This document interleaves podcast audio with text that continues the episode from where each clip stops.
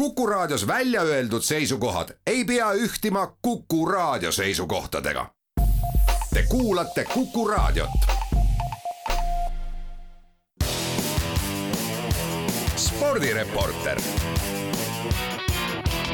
spordis kruvib pinget, Pahv üksteist ja seitse minutit on saanud kell, täna on kahe tuhande kahekümne teise issand aasta juunikuu kahekümne kaheksas päev. tere kuulama spordireporterit järjekorranumbriga kakssada kuuskümmend viis. kuulama kutsuvad teid Järve-Lott Tallinn, Susi Joosep Tartu. Haaksõna spordireporter töötab Twitteris nii nagu ikka, selle kaudu on võimalik esitada meile küsimusi, mõtteid, tähelepanekuid, millele vastamise ja mille kommenteerimise võtame ette saate kolmandas osas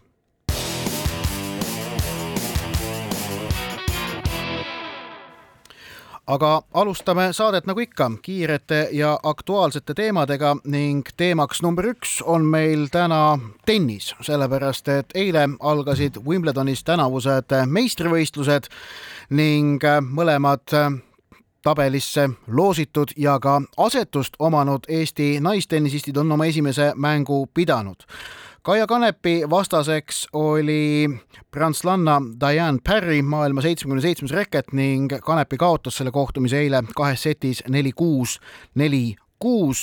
Anett Kontaveit lõpetas pika võistluspausi aga võidukalt, olles parem maailma saja kahekümne kolmandast rekendist ameeriklannast Bernarda Perast tulemusega seitse-viis, kuus-üks. esimene sett Kontaveidi jaoks oli, oli keeruline aga suutis need mitmed keerulised kohad tolles setis äh, ületada, selle seti lõpuks enda kasuks pöörata ning teine sett oli juba hoopiski enam vaadata, meenutas äh, Äh, kohati seda, see, natukene seda Kontaveiti, keda me nägime väljakul eelmise aasta lõpus või tänavuse aasta alguses. Tervisemured Anett Kontaveitil seoses koroonaviirusest taastumisega on olnud tõsised ning, ning tema ütlus pärast matši, et ta pole ammu ühegi võidu üle või mõne võidu üle niivõrd palju rõõmu tundnud, kui selle eilse võidu üle oli, oli kahtlemata märgiline jah, aga äh, kui äh, liigutakse ikkagi Prantsusmaalt äh, Wimbledoni suunas, siis need eelturniirid ei ole ilmaasjata. ehk siis ikkagi see kohanemine muruga ja loomulikult ka võistluspraktika üldisemalt on väga olulised. ehk siis Kontaveit tuli mängule peale situatsioonis, kus ta mängis viimati rohkem kui kuu aega tagasi ja seda ka Prantsusmaa lahtistel tennisemeistrivõistlustel. nii et selles kontekstis on iseenesestmõistetav justkui, et esimene esimene sett on väga rabe aga jällegi positiivseid indikatsioone on väga palju, kasvõi see, et tõesti teises setis me nägime äh, paiguti ikkagi väga kõrgel tasemel äh, Kontaveidi äh, tennist. ehk siis lootust on, aga teine pool loomulikult ka see, et kui veel Prantsusmaa lahtistel ja, ja tegelikult Kontaveit ütles ka ju pärast kohtumist, et, et ta tuli pärast koroonaviirust natukene liiga vara tagasi mida tegelikult on arvatud äh, mitmelt poolt äh, varasemaltki, et äh, Prantsusmaal oli füüsiline konditsioon ikkagi väga halb. et teises setis, nagu ta kirjeldas Prantsusmaal, et vaevu seisis püsti ja et siis praegusel hetkel tundus, et teises setis väga selgelt oli juba maailma tipptasemel tennisist ja, ja teispool võrku siis maailma mitte päris kõige kõrgemas tipus tennisist ja, ja Kontaveidi füüsiline konditsioon oli hea, mängutase päris hea. no, no need löögid olid ikka ilusad, no, no kohati nägi ikka väga ilusaid lööke. Kontaveidi löögid ongi tavaliselt ilusad. Äh, no vaata, esimeses setis äh, tuli sellist äh, maailma edetabeli kolmandale reketile lubamatut praaki sisse ikkagi liiga palju aga vaat teises setis mitte, seal mängis tõesti ikkagi maailma tippmängijad, teatud löökidel oli näha, et sellist, sellist nagu kindlust, täpsust äh, kaunidust, seda olukorra kontrolli all hoidmist ning väga vahva oli vaadata ka seda matšijärgset intervjuud, mis Kontaveidiga väljakul tehti, kus ta noh, oli noh, silmnähtavalt väga-väga rahul ja ilmselt ka kergendunud, on, on õige öelda, sellepärast et et see noh, võib ju öelda, et võib ju öelda mida tahes, aga sportlane tahab võistelda. Ja võistlus on sportlase jaoks see, see e e eluvesi, kui Kontaveit on sellest nagu pikka aega puudust tundnud ja nüüd õnnestus äh, lõpuks seda võistlemist ka nautida, paistis see niimoodi. see tundus, et oli talle väga tähtis, see intervjuu oli väga-väga kaunis vaadata ja ma panin kohe, panin, panin kohe kirja selle äh, kuul, kuulsusrikka väite, et võistlemine on sportlase elupesi. no noh, jah, noh. ja selgunud on ka Kontaveidi järgmine vastane, selleks on äh, sakslanna Jule Niemeier, maailma üheksakümne seitsmes reket ehk et noh, suhteliselt samas kategoorias vastane peaks olema nagu ka Bernarda Pera, keda ta nüüd avaringis võitis ning äh, Kontaveidi tabelist, edasisest tabelist rääkides, siis noh, teisena asetatud mängijal teatavasti teisi esikaheksa mängijaid enne veerandfinaali vastu tulla ei saa. nii et temaga samas tabeli kaheksandikus on asetatud mängijatest veel konkurentsis äh, ukrainlanna äh, Alek-, äh, Angeelika Kalinina, kes on kahekümne üheksa asetusega ning neljateistkümnenda asetusega šveitslanna Belinda Bencic et, et need on kõige tugevamad vastased, kes Kontaveiti võivad oodata, kui ta siin võidukalt jätkab, enne kui ta e, e, teises, kolmandas, neljandas ringis no Benchitši algus oli väga rabe, aga eh, jah, tõepoolest, et see teine asetus annab võimaluse eh, tegelikult ikkagi esimestes ringides nii-öelda korralikult mängupraktikat saada, aga samas eh, see, see väide, et see teise ringi vastane on samast klassist, no jällegi tegemist on naisüksikmänguga, kus siin edetabeli koht seal kuskil esisaja lõpus ja, ja esisaja keskel, et need võivad täiesti nii-öelda konkreetses situatsioonis mängutaset mitte peegeldavad olla.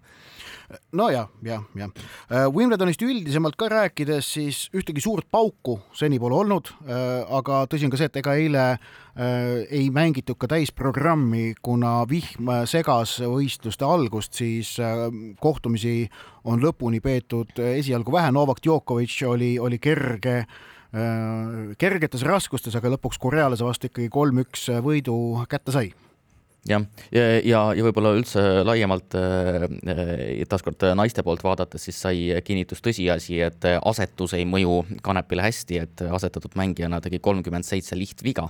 et oleks vastas olnud maailma top kümme mängija, siis ma arvan, et see mängupilt oleks hoopis teistsugune olnud ja Kanepi oleks äh, avaringis võitnud. aga, aga see on teine asi. Ehm, jah, ja, ja mis äh, järelduse kindlasti võib kohe alguses teha, et kui veel äh, võiks öelda, et siin kolm-neli nädalat tagasi räägiti pärast just nimelt uudist, et Wimbledonis edetabeli punkte ei saa, et äh, paljud tipptasemel tennisistid just nimelt sellel põhjusel jätavad Wimbledoni vahele, siis seda ilmselgelt pole juhtunud, et eemalejääjaid loomulikult on, on mõistetavatel põhjustel, Medvedev näiteks, aga Federer no, mis, no mis mõistetavatel, noh ta ta, teda ei lubata mängima sinna lihtsalt, Azarenkat samamoodi ei lubata, jah. jah, eh, aga, aga Federer, vigastatud Zverev eh, ja siis Naomi Osaka, aga, aga, aga rohkem sisuliselt eh, ei ole, nii et ütleme neil kaalutlustel, et Wimbledonis ei saa edetabeli punkte, no sisuliselt ei ole tennisist. ja suurte, suure slam'i turniiride tähtsatest otsustest rääkides tasub ära mainida siis, et USA lahtised aasta neljas suur slam otsustas, et Venemaa ja Valgevene sportlased neutraalse lipu all võistlema lubatakse aga praegu nii palju tennisest, Wimbledon pakub meile loodetavasti veel terve nädala jooksul elamusi ja kauneid elamusi. Anett Kontaveidi teise ringi matš peaks praeguse ajakava järgi toimuma homme, aga kõik sõltub Wimbledonis nagu ikka sellest, kas vihma sajab või, või ei saja. aga teema number kaks ja autosport. jah, alustame nõnda. Sardiinia päikesekiired kaua ei kiirga Aafrika savanni päike kõrvetab halastamatult. ehk siis äh, asi on selge, kahekümne ühe aastasele Jyväsküla poisile Kalle Rovanperale võib vist vaikselt maailmameistritiitli üle anda. esimene pool MM-sarjast on sisuliselt läbi, kolmeteistkümnest etapist peetud kuus ja Kalle Rovanpera, kes sai Keenias oma selle hooaja äh, neljanda etapivõidu juhib saja neljakümne viie punktiga Thierry Neuville, kes oli viies parim Hyundai ja kaotas enam kui kümne minutiga Randperele. Eh, kaotab talle juba kuuekümne viie punktiga, Tänak on kolmandal kohal ja no vahe on juba kaheksakümmend kolm punkti. ehk siis eh, Hyundai esitus Keenias oli loomulikult naeruväärne.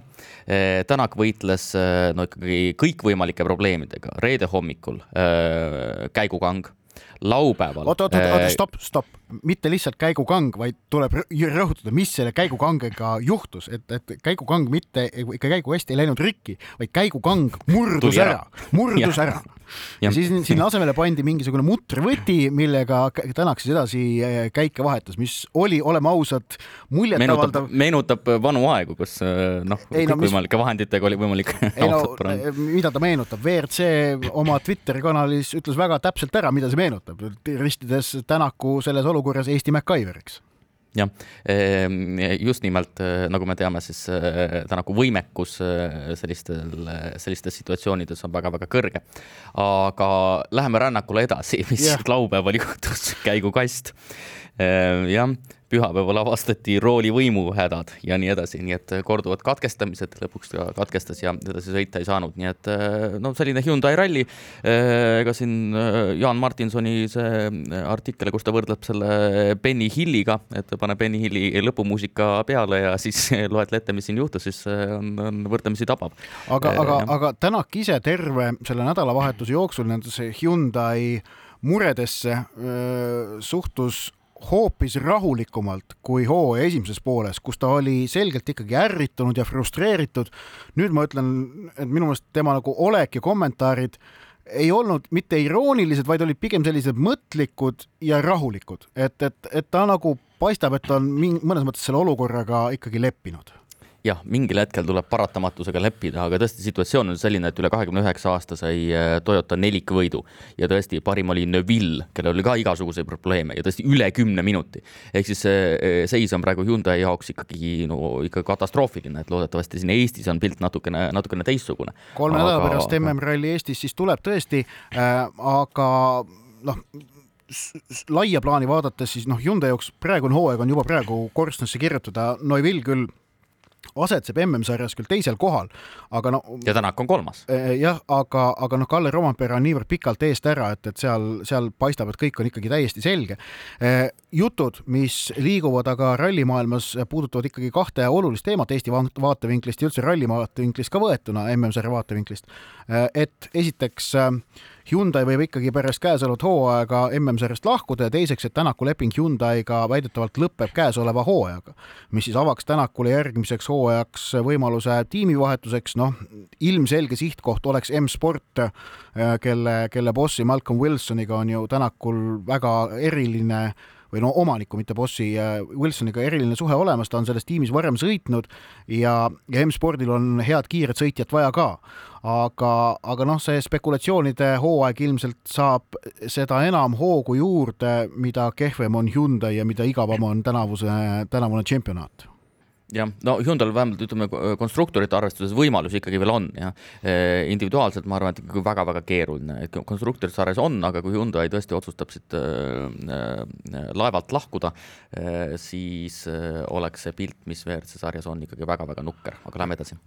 rallijuttude osas tegelikult ühte asja tuleb veel mainida, et, et siin vahetult enne saadet tuli uudis, et et et äh, Eesti Vabariik kehtestas sissesõidukeelu Rally Estoniale võistlema soovida tulnud Venemaa rallipaarile Nikolai Gräzin, Konstantin Aleksandrov, millest me siin vast eelmises saates ka rääkisime, et, et tegelikult väga hea asjade käik, et, et äh, siin oli väikese riigi eelis, et kuidas asjad toimisid, aga läheme edasi, teema number kolm. Lähme siis heade uudistega edasi, jah. ja teema number kolm ning läheme ujumise maailmameistrivõistluste juurde, kus Eneli Jefimovast sai kõigi aegade Äh, või kõigi aegade, ma igaks juhuks ütle, et taasiseseisvunud Eesti kõige edukam ujuja maailmameistrivõistlustel, kui ta saavutas viiekümne meetri rinniujumise distantsil kuuenda koha.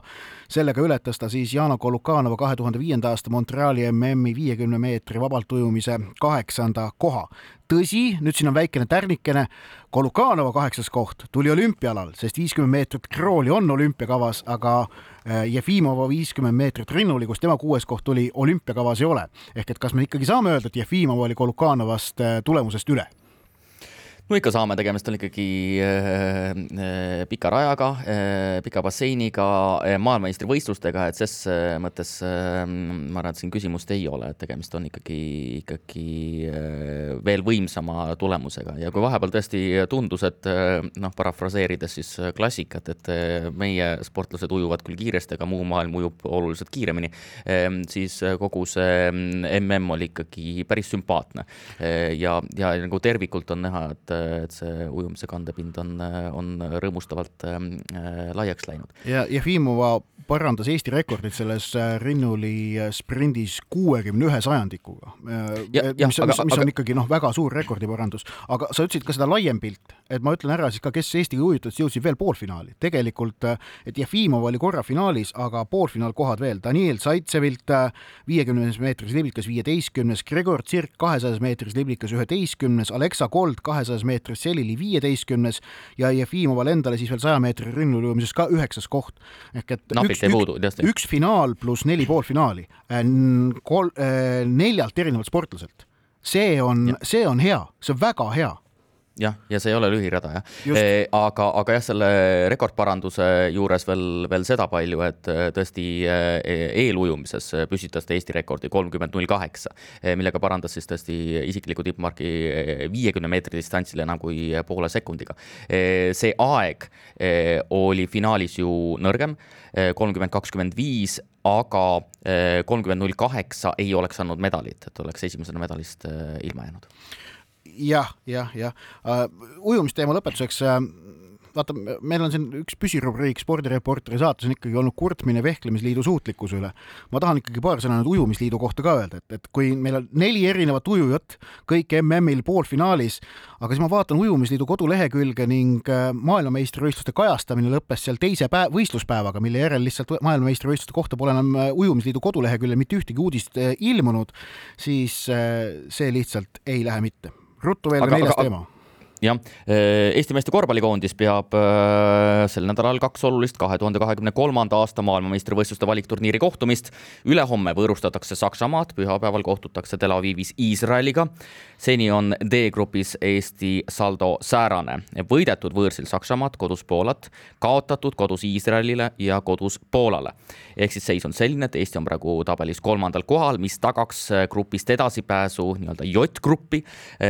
aga tuleb arvestada arvestada loomulikult ka asjaolu, et selle eh, grupi eh, tulemused ehk siis omavahelised mängud võetakse sinna gruppi kaasa, nii et praegusel hetkel kaasa oleks võtta eh, võit Saksamaa üle, kui edestatakse Poolat, nii et ühelt poolt on kaks kohtumist olulised seetõttu, et tagada edasipääs D-grupist, aga teiselt poolt ka mängida juba järgmise grupi kohtumisi. Laias laastus, sest suure tõenäosusega, kõige suurema tõenäosusega mängitakse need kaks kohtumist vastastega, kes on, kes pääsevad edasi jah, ja maailmameistrivõistluste valiksarja süsteem on siis see, et praegusest äh, alagrupist neljast kolm tükki edasi moodustatakse ühe teise alagrupi kolmikuga kuuene grupp, kust omakorda kolm paremat pääsevad MM-ile. no oleme ausad, MM-ile pääsemine oleks, oleks paras ime äh,, aga kuniks see võimalus on, tuleb seda kahtlemata püüda ja taotleda. Eesti meeste koosseisust vast kaks olulisemat puudujat on Gerd Riisa ja Henry Trell. Äh, Gerd Riisa, kes sai ju kevadel vigastada, äh, viibib Ameerika Ühendriikides ning Henry Trell sõlmis Chicago Bullsi tütarmeeskonnaga suveliiga lepingu. Äh, nii et nemad teguts-, tege-, tegelevad ookeani taga, aga EM-finaalturniir on ikkagi Eesti korvpallikoondise selle hooaja ja aasta kõige tähtsam sündmus ning ma arvan, et põhijõud ja, ja fookus läheb ikkagi sinna jah, äh, sakslasi võideti esimeses kohtumises, aga äh, no ma arvan, et nii lihtsalt ei, ei, ei, ei lähe sedapuhku. Äh, vastas ütleme, väga suuri nimesid ei ole, kaks NBA kotti küll. jah, teeme väikese pausi ning siis tuleme tagasi ja räägime kergejõustiku Eesti meistrivõistlustest. spordireporter. spordis kruvib pinget, Pahv nädalavahetusel kogunes sisuliselt kogu Eesti kergejõustiku paremik Kadriorgu koduvabariigi tšempionaadile. Ja alustame kõige positiivsematest äh, tulemustest või siis vähemasti kõige positiivsematest sündmustest ja toome välja iseäranis äh, kaks neist, Rasmus Mägi ja Magnus Kirt. Alustame Rasmusest. Äh, mõni nädal tagasi püstitas ta Eesti rekordi neljasaja meetri tõkkejooksus oma põhialal nelikümmend seitse, kaheksakümmend kaks ja Eesti meistrivõistlustel osales ta siis äh, neljasajas meetris Siledal maal ja alates laupäevast on äh, Eesti rekord nelikümmend viis, kolmkümmend viis. nii et äh, kui heita pilt, pilk ka maailma nii-öelda siis ütleme reitingutabelisse, nagu seda Eestis nüüd kutsutakse, mitte maailma edetabelisse, ehk siis ähm, praegusel hetkel on Mägi eh, kuues, eespool on sellised suurkujud nagu Warholm, Dos Santos, Benjamin, McMaster ja Copello ehk siis kõik Eesti kergejõustikusõpradele tuntud eh, Mägi konkurendid. aga alla neljakümne kaheksa sekundi on tänavusel aastal, ehk siis see on see nii-öelda maailma edetabel, kui eristada need kaks eh,, vaid eh, viis meest, ehk siis Rasmus on eh, viiendal kohal eh,. nii et eh, Rasmuse minek on väga hea ja maailmameistrivõistluste alguseni on aega pisut rohkem kui kaks nädalat, algavad tulevad need siis viieteistkümnendal juulil. Mägi enda ütlused äh, ka nüüd Kadriorus nädalavahetusel olid sellised meeldivalt enesekindlad, võiks öelda isegi enesekindluses pakatavad ja, ja pakatasid, no, ja pakatasid kui... ka rahulolust, et see eh, kevadine töö ja kevadine noh, nagu ta ise ütles ka, et on võetud natuke julgemalt ette, et see on õnnestunud jah, ehm, eh, Mägi on üks eh, väheseid sportlasi Eestis, kelle puhul on nii, et kui ta midagi välja ütleb, siis see mõjub usutavalt, jah, et jääb mulje, et ta teab, mida ta räägib ja ta teab, mida ta teeb.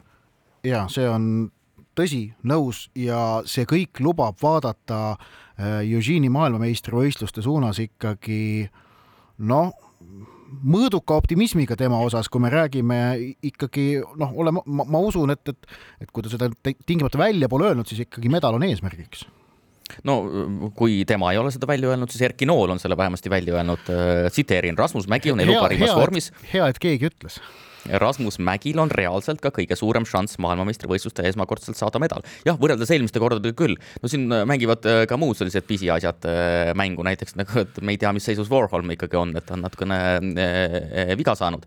et kui kiire ta on ja kuidas ta suudab vormis olla maailmameistrivõistlustel ja nii edasi. aga no kindlasti on Rasmus Mägi seis väga hea. ja teine, ütleks siis selline sündmus, mida oodati juba väga palju, see pidanuks juhtuma veel mitmekümnel korral äh, varasemalt, aga lõpuks see leidiski aset. Magnus Kirt on tagasi.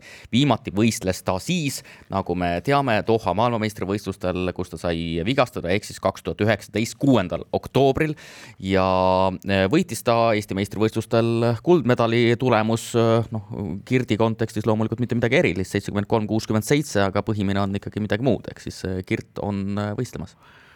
jah, ja jällegi siin äh, natukene emotsioon äh, tema ütlustes oli sarnane, meenutas seda, mida ütles Anett Kontaveit eile pärast võitu Wimbledonis, et et ta Kirdi jutust kumas ka läbi ikkagi tohutu kergendus ja ta üldse ei salanud ega varjanud, et et võistlusele eelnevad päevad ja nädalad olid päris, päris keerulised, sest et see ligi tuhandepäevane paus, mis tal eelmisest võistlusest, tema viimane võistlus oligi ju see, kui õlg rebenes äh, Doha MM-il äh,. on möödunud, see, see, see on röögatu aeg ikkagi sportlase jaoks. aga nüüd noh, kuhu Kirt on võimeline tagasi jõudma, mis tasemele, keeruline öelda. ja kunas. jah, ja pea võimatu öelda, aga, aga no ilmselt äh, noh ütleme nii, et kui ta täidaks nüüd tänavu Euroopa meistrivõistluste normi, mida vist saab veel mõnda aega täita, see oleks üllatav ikkagi tundub, sest see vist oli kaheksakümmend neli meetrit, kui ma ei eksi. tuletame meelde, et tegemist on ka kolmekümne kahe aastase sportlasega, jah. et äh, nii lihtsalt ja kiiresti äh, kõik ilmsesti ei laabu aga läheme siis nii-öelda negatiivse poole peale või äh, võiks öelda, et ikkagi tagasilöökide juurde. Äh, meil oli kakskümmend võistlejat vähemalt, kes ikkagi jahtisid maailmameistrivõistluste normi kaheksa tuhat kolmsada viiskümmend punkti. Äh, ennekõike Maicel Uibo, tema tuli Eesti meistriks, aga maailmameistrivõistluste normist jäi puudu kuuskümmend üks punkti ehk siis Eesti meistritiitliga ähm, kindlustas pääsu Euroopa meistrivõistlustele, aga mitte maailmameistrivõistlustele jah, ja noh, et, et see oli pettumus, äh, sellest ta ju, seda ta ju ise ka ei varjanud mitte kuidagi. esimene päev oli, oli seda uibu emotsiooni äge vaadata, aga lõpuks tulemused lihtsalt ei, ei tulnud kokku, polnud piisavalt head ja no Uibole jääb nüüd äh, Euroopa meistrivõistlustel osalemine, mille koha ta endale äh, Eesti meistritiitliga tagas, aga samas kolm Eesti kümnevõistlejat võivad MM-il ikkagi osaleda, sest et Johannes Ermil, ma saan aru, on arvestatav šanss maailma edetabeli või selle maailma ranking'u jah, nagu sa ütlesid, reitingu. ei, reitingu. reitingu alusel. reitingu tabel. MM pääse teenida jah, eh, nii et Ilga ja Õiglane eh, on eh, kindlasti MM-il sõitmas praeguse seisuga. Ja Õiglane, nagu me mm, teame, siis tänavusel aastal on teinud juba üle kaheksa tuhande neljasaja punkti, nii et tema seis tundub olevat kõige parem, jah ja,, et Ilgal on siin probleeme. jah, aga kas see kaheksa tuhat nelisada, kaheksa tuhat viissada praeguses kümnevõistlus olukorras vist medalit ei tähendaks pigem?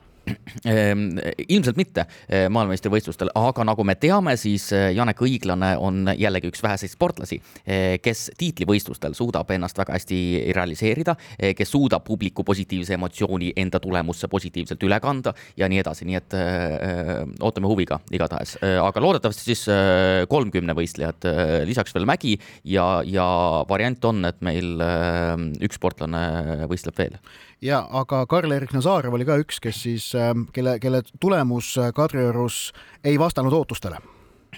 Äh, jah, et ikkagi ta maailma reitingu edetabelis on praegusel hetkel viiekümne teine ja, ja peale pääseb siis nelikümmend kaheksa meest, eks ole, näha, kuidas see, see lõppeks äh, läheb. Ja, ja reitingutabel lüüakse siis ametlikult kokku kokku homseks, eh, kui ma aru saan, aga tõesti eh, eesmärk oli ju sisemaailmameistrivõistlustel eh, sprindis neljandaks tulnud mehel ikkagi tõusta reitingutabelis ja jooksuaeg kümme nelikümmend üks, noh, mitte midagi erilist. no see, see oli ikkagi, no, no näha oli, ta oli ise pärast seda jooksu ikkagi väga löödud sellest, sellest tulemusest ja noh, ega šanssi MM-ile pääseda sellise ajaga ei ole, küll aga jah, siis kuna üks naissportlane on igal riigil võimalik välja panna, siis Eestist ilmselt selle vabapääsme saab neljasaja meetri tõkkejooksja Marielle Kleemeier. nii palju praegu kergejõustikujutte, teeme väikese pausi ning siis võtame ette kuulajatelt laekunud küsimused. spordireporter. spordis kruvib pinget, Pahv spordireporter jätkab, Joosep Susi jätkuvalt Kuku raadio Tartu, mina Ott Järvela Tallinna stuudios ning meie saate kolmas osa kuulub nagu ikka kuulajatelt laekunud küsimustele. meie püsiküsija Tõnis on tavaliselt Tartus, aga sedapuhku on ta Berliinis ning on saatnud ja läkitanud meile sealt säärase küsimuse, mis puudutab tennist, aga tegelikult mitte ainult. Serena Williamsi tagasitulek pani mõtlema sportlase populaarsus üle. minu hinnangul pole Williams kaugeltki kõige ilusam, elegantsem, kaunima mängustiili, meeldiva käitumisega tennisist. Õigupoolest peab tema juures sümpaatset joont üldse tikutulega otsima. aga ta on oma ala aastakümneid domineerinud ja tohutult populaarne. siit küsimus, mis üldse muudab sportlase armastatuks? kas on paratamatu, et spordisõbrad jumaldavad võitjaid, kas on teada juhuseid, kus see tendents ümber pöördub? No eh, jah, et eh, millel põhineb sportlase populaarsus, et siin eh, loomulikult võivad olla sellised kõrvalised faktorid, võib tõesti sellised noh, väga head isikuomadused, tema käitumine võistlusareenil ja nii edasi. aga põhiline asi loomulikult on alati seotud, nagu ka härra Raul Rebane alati väidab, põhiline on missugust emotsiooni pakutakse. Eh, Serena Williams on pakkunud ikkagi positiivset emotsiooni juba tõesti eh, pea noh, paarkümmend aastat juba. Eh, lisaks loomulikult tema selline taust, kust ta tuleb, film, mis temast nüüd on loodud ja nii edasi, ehk siis ta on ikkagi ka muutnud muutunud teatud mõttes selliseks äh, sümbolkujuks juba äh, naiste tennises ja võib-olla spordis natukene ka laiemalt. aga, aga peamine on ikkagi loomulikult äh, ikkagi tulemused jah, ja tulemuste kaudu äh, luuakse mingisugust emotsiooni, mida äh, tihedamini, mida sagedamini äh,, mida äh, jõulisemalt ma seda teen, seda loomulikult suurem on tõenäosus, et see, see emotsioon äh, muutub äh, kuidagi või, või kandub üle sellesse populaarsusesse ka, ka natukene laiemalt. aga loomulikult mängivad rolli ka Äh, kõrvalised faktorid, noh näiteks ma ei tea, Carolina Klüft, kuidas ta käitub näiteks jah, äh, või, või LeBron James, et kuidas ta võtab sõna spordiväliselt ja kuidas ta äh, intervjuusid annab ja nii edasi, et loomulikult need nii-öelda isiksusomadused mängivad samuti rolli. Ja üldiselt noh, võitmine on kõige lihtsam viis seda armastust välja teenida, aga samas mingil hetkel tekib, võib tekkida publikul sellest ühe sportlase või ühe võistkonna domineerimisest ka väsimus. näiteks Michael Schumacheri äh, äh, ja Ferrari domineerimine kahe tuhandendatel vormel ühes äh, tekitas ju väga selge anti-Schumacheri agenda, sellepärast et taheti, et see võistlus lõpuks ometi jälle huvitavaks muutuks.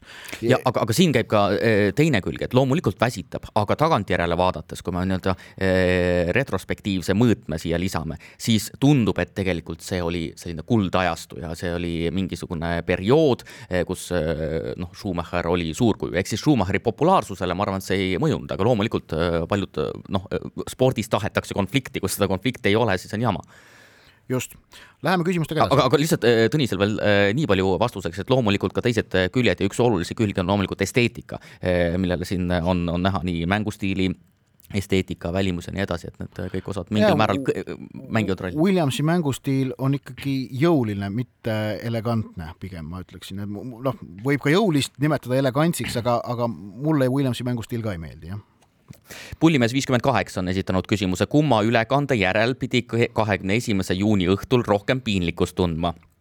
kas Sokernet tv-s üle kantud meistrite liiga esimese trepiastme mängust eh, Vikingur versus Levadia, kus sai näha kodumeeskonna kuut vastuseta väravat. ülekanne algas kaheksandal minutil, kui Levadia juhtis üks-null.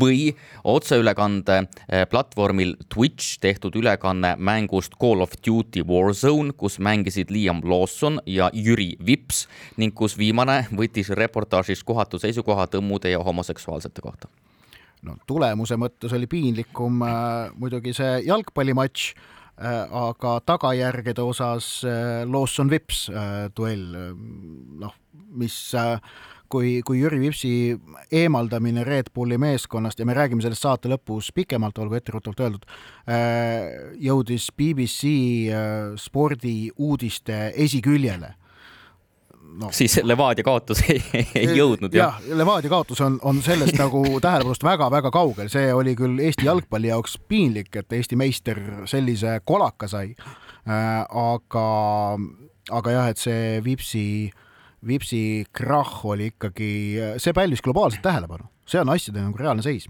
Läheme edasi, kolmas küsimus, Martin tahab teada ja püsime jalgpalli juures ja Levadia juures. Levadia kaotas meistrite liiga EL-ringis Islandi meistrile Viikingurile. kui tõmmata paralleel Eesti koondisega, siis kas võib öelda, et kui Toomas Häberli suutis juunikuus kahest mudaliiga mängust kaks võitu kätte saada, siis Levadia juhendaja Marko Savic samaga hakkama ei saanud, sest meistrite liigas on Levadia ju sel hooajal kõige kehvem meeskond koos San Marino meistri La Fioritaga. Andorra tšempion jõudis isegi kaugemale seega, kas Häberli on parem kui Savic ja Andorra klubi jalgpall parem kui Eesti oma? Äh, parem või halvem, no seda nende nii-öelda infokildude põhjal ei ole võimalik väita. Äh, aga selgelt Heberli on paremini õnnestunud äh, oma rollis kui Savic antud kontekstis ja teistpidi vaadates jah, ka, ka üldiselt.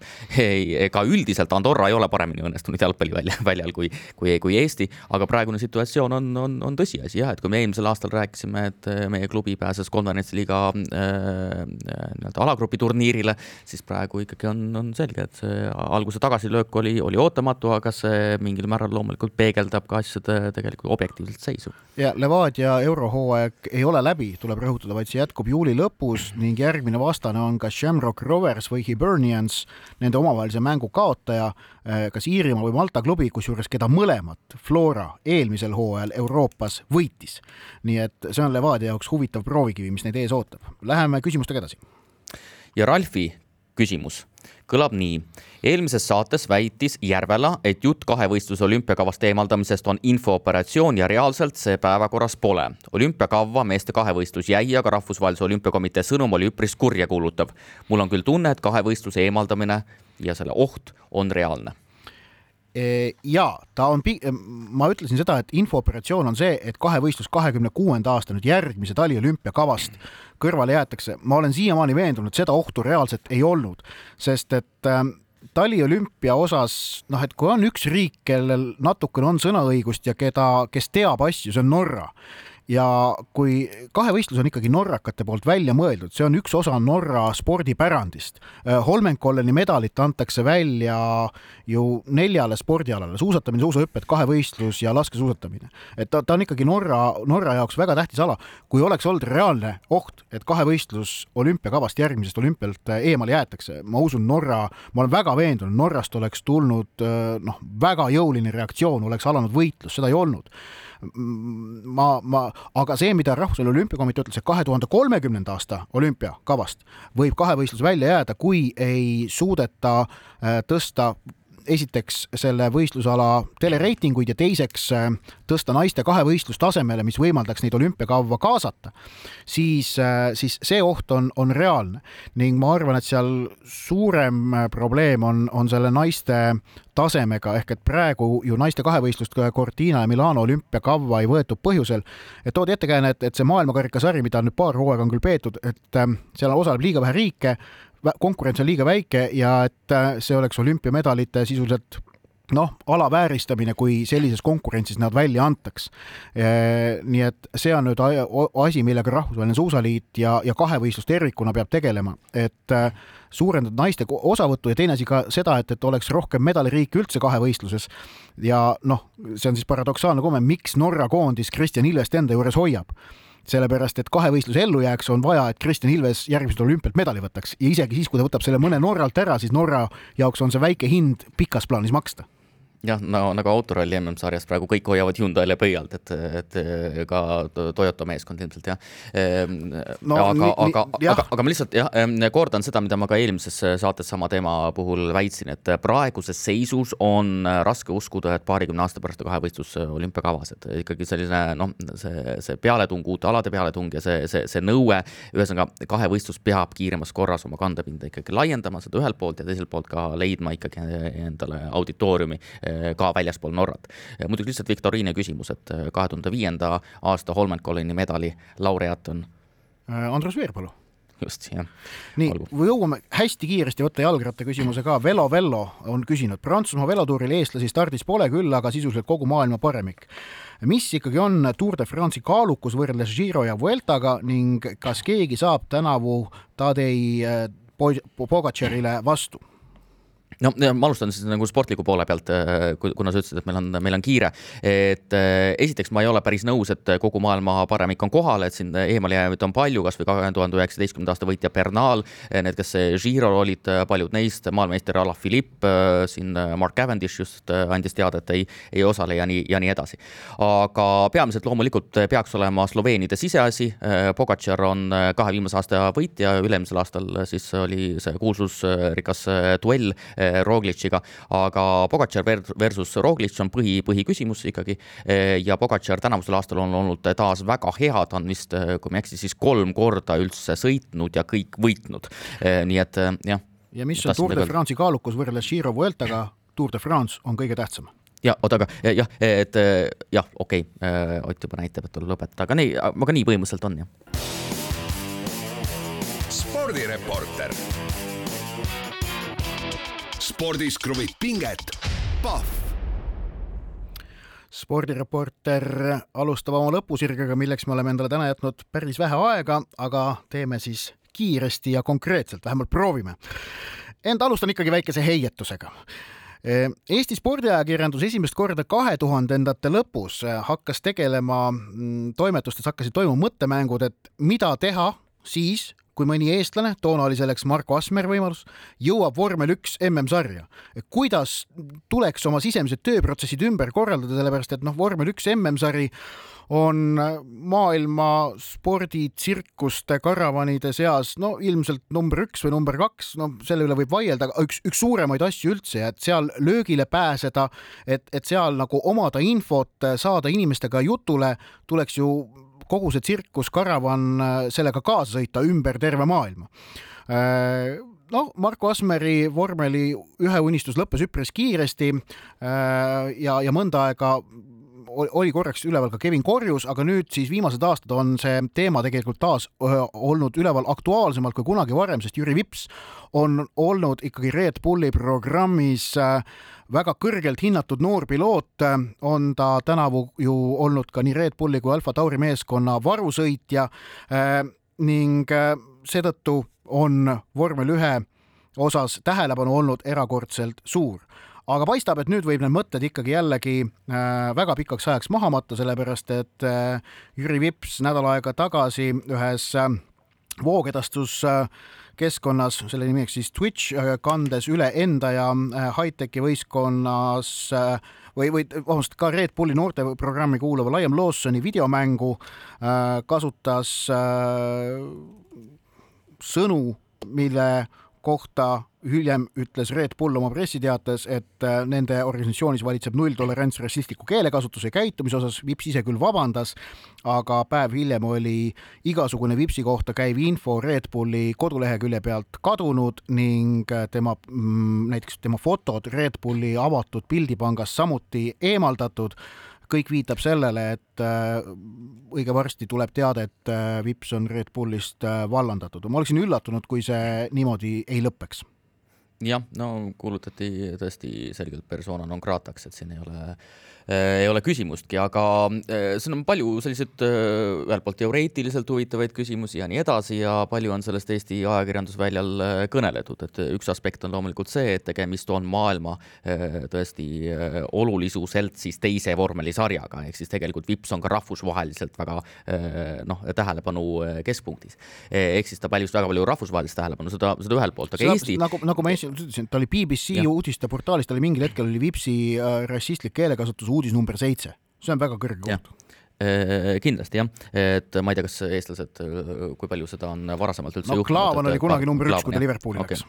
jah, äh, aga Eestis on loomulikult seda teemat väga palju käsitletud, aga käsitletud äh, ka laiemas kontekstis, küll on siin jututeemaks olnud hoopis see, et aga miks ta sõjamängu mängis, jah. aga seda laiendati kindlasti ka poliitiliseks, maailmavaateliseks küsimuseks ja nii edasi, keeleliseks küsimuseks ja, ja, ja, ja, ja nõnda edasi. ja siin on täitsa keeleteoreetilised vaidlused sellest, kuidas keel areneb areneb, kõik, kõik need on ka päevakorrale võetud, aga tegelikult need minu väidan, need, need keele äh, teoreetilised vaidlused on rakendatud ka ikkagi selle maailmavaatelise ja poliitilise agenda ette praegu selles, selles, äh, selle teema käsitlemisel jaa, no kindlasti, keel on selline, keel on alati toiminguahela osa, osa, et me peame seda konteksti äh, arvestama, aga minu arvates Mihkel Kunnus võttis selle situatsiooni äh, päris hästi kokku, et äh, siin mina vaataksin kahel tasandil, üks on see, et äh, mis on see sportlase enda individuaalne positsioon. Ja siin ta või võiks juba öelda, et ta läks natukene nagu vastuollu sellega, mida, mida sportlane peaks tegema, jah. et sportlane peab olema eeskuju, no võiks olla eeskuju puhtalt seetõttu, et tema nii-öelda negatiivne eeskuju avaldab väga jõulist mõju. aga teiselt poolt on ikkagi see, mida Vips esindab, jah, ja Vips esindab ikkagi kultuuriruumi, kus on ikkagi sellised väga selgelt konstrueeritud tabuteemad, tabuküsimused, eh, mida eh, tuleb vältida. ehk siis nagu Kuulus kirjutab, ta patt seisnes selles, et ta demonstreeris üleolevat suhtumist mustanahaliste geide suhtes, see on väga suur eksimus selles kultuuris, isegi nii otseselt mängulises keskkonnas nagu arvutimäng. Ehm, jah ehk siis äh, tegemist ühelt poolt oli lihtsalt väga eakohase laimamisega, äh, noh, ebasümpaatsega äh, küll, aga siiski, ja seda kohtab arvutimaailmas väga tihti. aga, aga noh, ta tegi seda avalikus ruumis ka Red Bulli esindajana, ehk siis ta kasutas keelelisi atribuute, mille suhtes kultuur, kus ta, kus ta oli, on, on väga tundlik. minu jaoks on arusaamatu, kuidas Red Bull äh, lubas sellisel asjal või no on, on, on ma täiesti kindel see, et Vips on saanud Red Bullis ju tohutu meediakooli, sellepärast et Red Bull on globaalne brändiorganisatsioon, mis peab oma maine eest hoolitsema. aga kuidas see asi oli kahe silma vahele jäänud? Äh, säärased tippsportlased sel tasemel, kus ka Vips on praegu tegutsenud, teavad väga täpselt, mida nad tohivad teha ja mida nad ei tohi. arusaamatu, kuidas see asi oli kuidagi jäänud katmata seal jah, et äh, kindlasti Vips poleks midagi sellist äh, öelnud ükskõik missuguses teises situatsioonis. pressikonverentsil unustage ära, no, no mitte mingit varianti. seal ta käitub väga korrektselt, kõik nii nagu meediakool õpib, äh, õpetab, aga või, või siis suhtluskool, aga kas te kujutate ette näiteks, et Inglismaa kõrgliiga jalgpallurile antakse üldse võimalust teha laivülekannet olukorras, kus ta tõesti mängib sõjamängu ja kus ta võib kõike suust välja ajada, no, no kindlasti mitte. see on, see on juba väga ohtlik situatsioon äh,, arvestades seda taset ja arvestades tõesti seda, et Red Bull peab peab äh, sellise tundlike asjade eest äh, ennast, äh, ennast hoidma väga selgelt, et see maine, mainekujundus, olgu see noh, tegelikult loogiline või mitte, olgu see noh, tore või mitte, aga ta peab selle eest hoolitsema. aga kogu asja resümee vast on siis see, et, et Vips eksis niimoodi, mida Red Bull ei saa andeks anda ja, ja, Vips ei ole selle kategooria tegelane, kelle puhul oleks Red Bullil võimalik sellest asjast mööda või läbi vaadata. Äh, tõsine see, kui Max Verstappen oleks öelnud, siis teda ilmselt ei vallandataks, ta on liiga suur mm, noh, väärtus ja vara on tema. aga, aga noh, selge on ka see, Verstappenil poleks seda varianti tekkinud, ta ei oleks ja. endale ja, ja ilmselt poleks tal ka tahet olnud midagi sellist öelda lõpetame siis kiire Kunnuse tsitaadiga. Vips mu arust julm ei olnud, pigem hooletu poisike, tavaline rullnokast mehe eelik, aga teda koheldakse üsna julmalt, sellised need moraali puritanid kord on nii, soovitused, mina soovitan vaadata neljapäevast Eesti-Saksamaa korvpallimatši maailmameistrivõistluste valiksarjas reedel läheb Kopenhaagenist lahti ja, ja teisipäeval jõutakse sümboolselt Dunkerki, nii et eh, Prantsusmaa velotuur. saate lõpetab kõigile teada ja tuttav pala, aga pisut uues kuues. Eesti spordis aset leidnud sündmuste valguses, millest ka äsja pikemalt rääkisime, kõlab see uus versioon kahtlemata kõnekalt.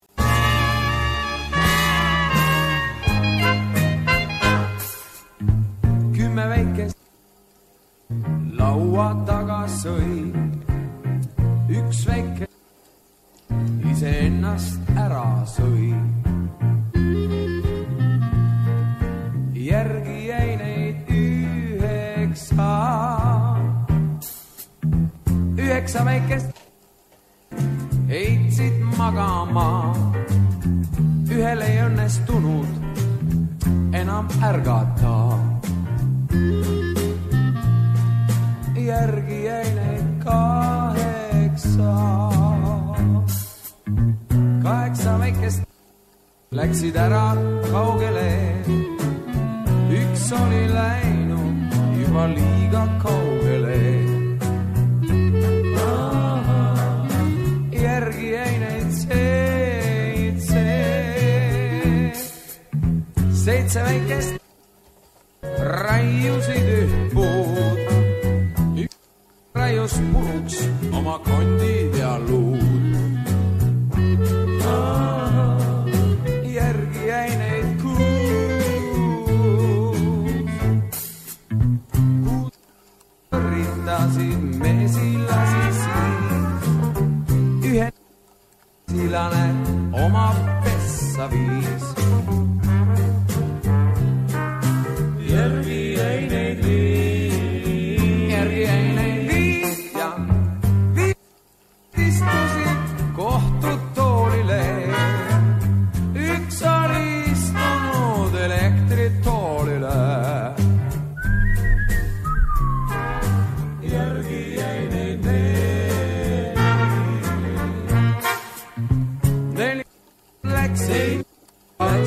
Tamamel, Haikala ihkas, Haikala.